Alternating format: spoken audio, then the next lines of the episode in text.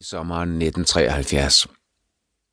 Mindet om disse tre korte uger i bakkelandskaberne højt mod nord dengang, var siden blevet en slags symbol på et mistet broderskab. Min tur til det valisiske højland var til dels en bevidst sorggærning, men også en søgen efter de glæder og løfter, som livet dengang havde rummet for mig. Jeg var dog først og fremmest taget afsted for at klare tankerne og få overblik over fremtiden. Min søster Jennifer og mine to andre brødre, Simon og Adrian, arbejdede i det lille familiefirma til Marriott and Small, som Hugh havde været direktør for. Både på den og adskillige andre måder havde jeg sat mig uden for fællesskabet.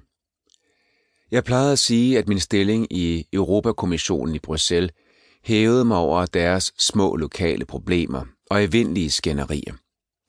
Det gjorde den også. Den gav mig også økonomisk tryghed og en rimelig velstand. Jeg havde nydt disse goder i 12 år og kunne se frem til mindst 20 til. Derefter fulgte et tidligt otium og en indeksreguleret pension. Det har sine fordele at være eurokrat. Det har også sine ulemper. Jeg havde følt mig noget tynget i den senere tid.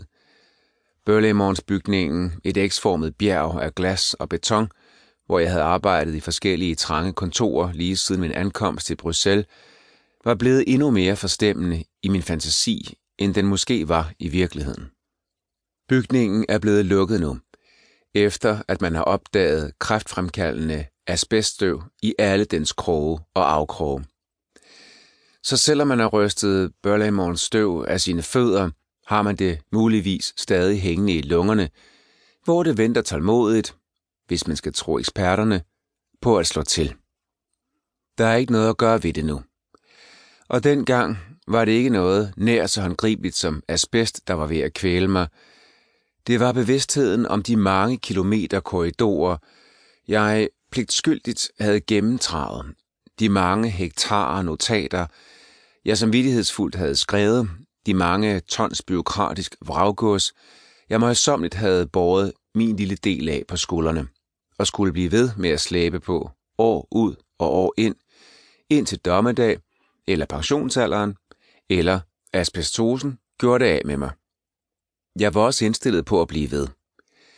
Jeg kunne være blevet ved af mangel på andre muligheder, være blevet mere og mere kynisk og desillusioneret med årene, ligesom mine nedslidte kolleger i 50'erne, der drømte om en villa i Surrey og ubegrænset tid til at spille golf. Det var for sent at undgå en sådan skæbne.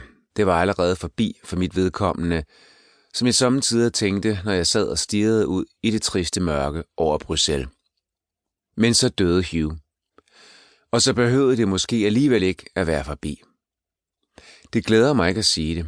Jeg ville ønske, at han kunne have levet længere, men der er vendt op og ned på min tilværelse, siden den dag han bukkede under for et umenneskeligt arbejdspres, og langsomt gled ned på gulvet i sit kontor lidt over klokken 9 en juniaften i 1990.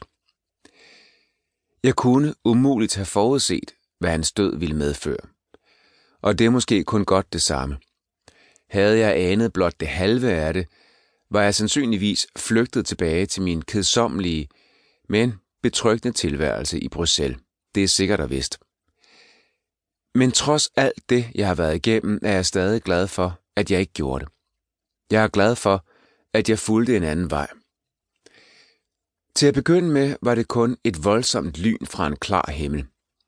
Et ubehageligt forvarsel om min egen dødelighed.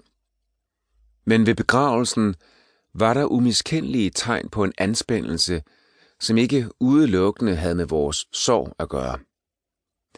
I 15 år havde Hugh været til Marriott Small og holdt liv i firmaet med sin energi og sit engagement, der havde betydet lige så meget som firmaets fordelagtige position på markedet. Nu var han væk. Det var ikke kun et spørgsmål om, hvem der skulle afløse ham. Det var tvivlsomt, om firmaet overhovedet kunne overleve, når han ikke længere stod ved roret. Allerede under bisættelsen fra krematoriet tog Simon og Adrian mål af hinanden, som for at forberede sig på den kommende magtkamp, mens driftlederen Rick Chignall tog dem begge i øjensyn for at vurdere, om nogen af dem overhovedet var opgaven voksen.